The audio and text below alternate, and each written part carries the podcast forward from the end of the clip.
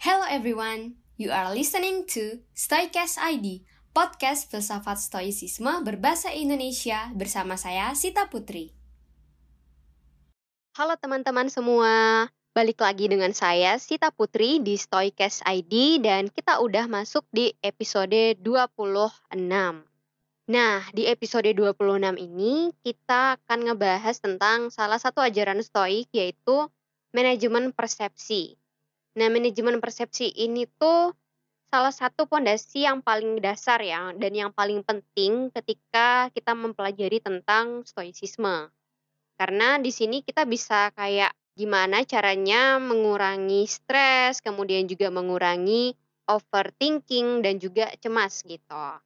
Tetapi ini disclaimer dulu ya, karena uh, pembahasan ini tuh juga harus disesuaikan dengan situasi dan kondisi dari teman-teman juga misalnya teman-teman ngerasa cemas dan juga uh, stres yang dirasa tuh udah parah, nah teman-teman tuh bisa banget untuk meminta bantuan profesional gitu. Jadi tanpa berlama-lama lagi, kita langsung aja masuk ke pembahasan utama di episode 26 kali ini.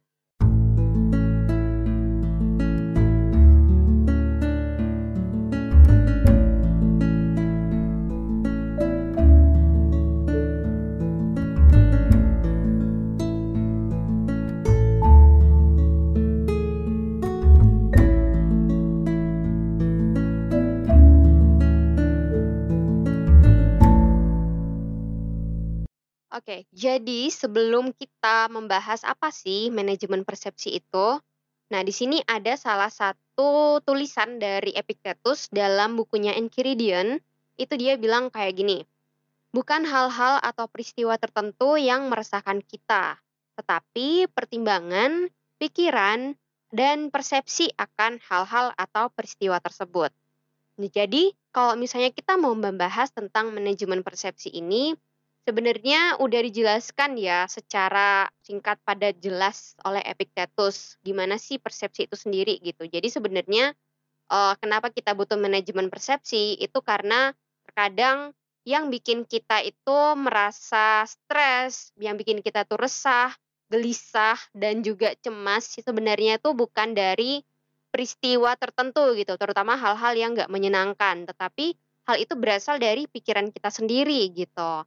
Nah, jadi kalau misalnya kita mau membahas apa sih manajemen persepsi itu, jadi manajemen persepsi adalah gimana cara kita mengatur persepsi, penilaian, atau opini kita terhadap peristiwa yang terjadi di sekitar kita. Peristiwa ini terutama hal yang sifatnya itu nggak menyenangkan buat kita, yang bikin kita jadi cemas, yang bikin jadi uh, resah, gelisah, kemudian overthinking dan, dan akhirnya kita jadi stres gitu ya. Nah, kalau misalnya teman-teman pengen cari tahu definisi manajemen persepsi itu kayak apa, teman-teman bisa baca buku dari Romo Setio Wibowo yaitu Ataraksia Bahagia Menurut Stoikisme. Itu bukunya udah saya ulas di episode 20 dan atau teman-teman mau baca buku dari Filosofi Teras yakni yang ditulis oleh Om Biring itu juga dijelasin tentang manajemen persepsi tapi lebih ke contoh-contoh secara realnya gitu. Jadi di filosofi teras itu contohnya secara real, kalau yang ataraksia di buku ataraksia itu lebih ke teoritisnya gimana kok bisa sampai persepsi kita gitu yang jadi sumber bikin kita merasa cemas dan stres dan sebagainya. Nah, ada nggak sih contoh-contoh atau peristiwa yang pernah terjadi gitu di kehidupan kita yang deket dengan keseharian gitu? Nah, saya akan memberikan salah satu contoh kejadian yang memang saya alami. Ini yang mungkin relate buat beberapa teman-teman di sini, terutama buat yang masih kuliah gitu kan.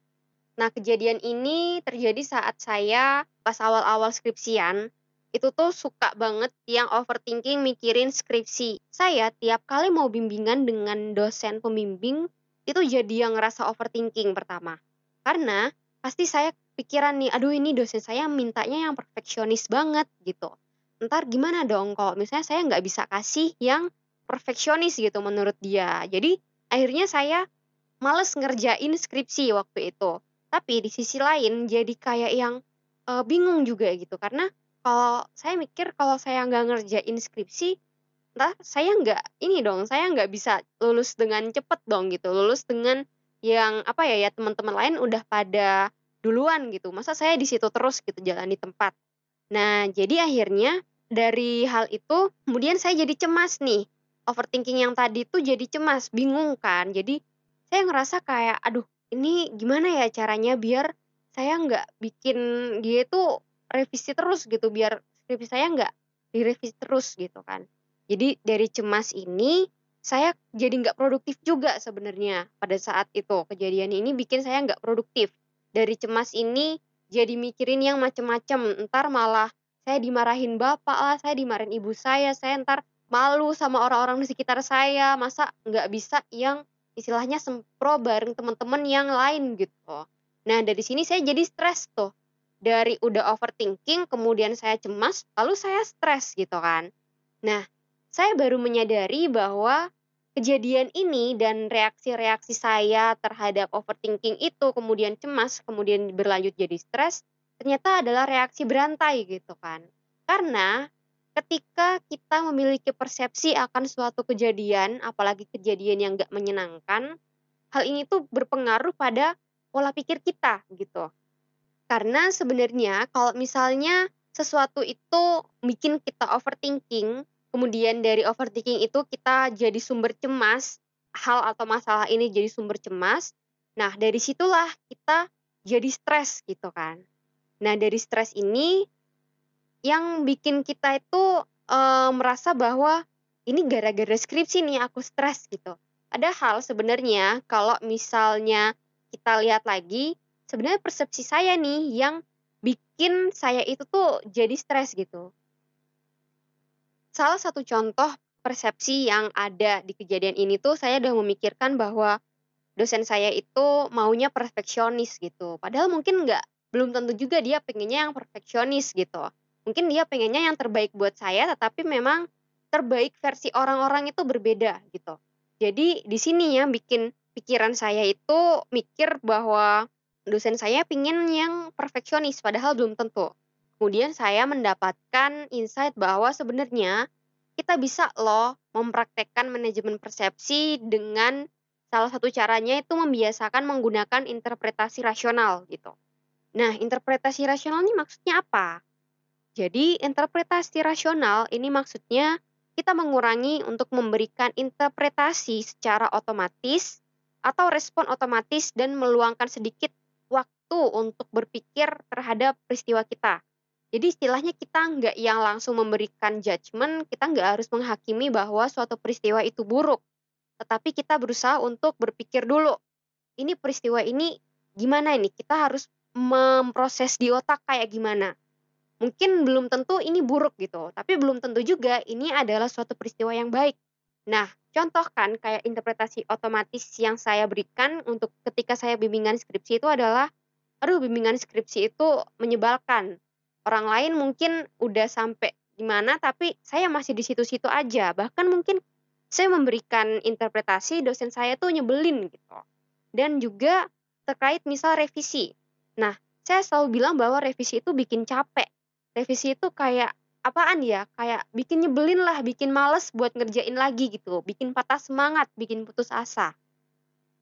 Nah, saya bisa mengubah contoh interpretasi otomatis yang tadi itu menjadi interpretasi rasional.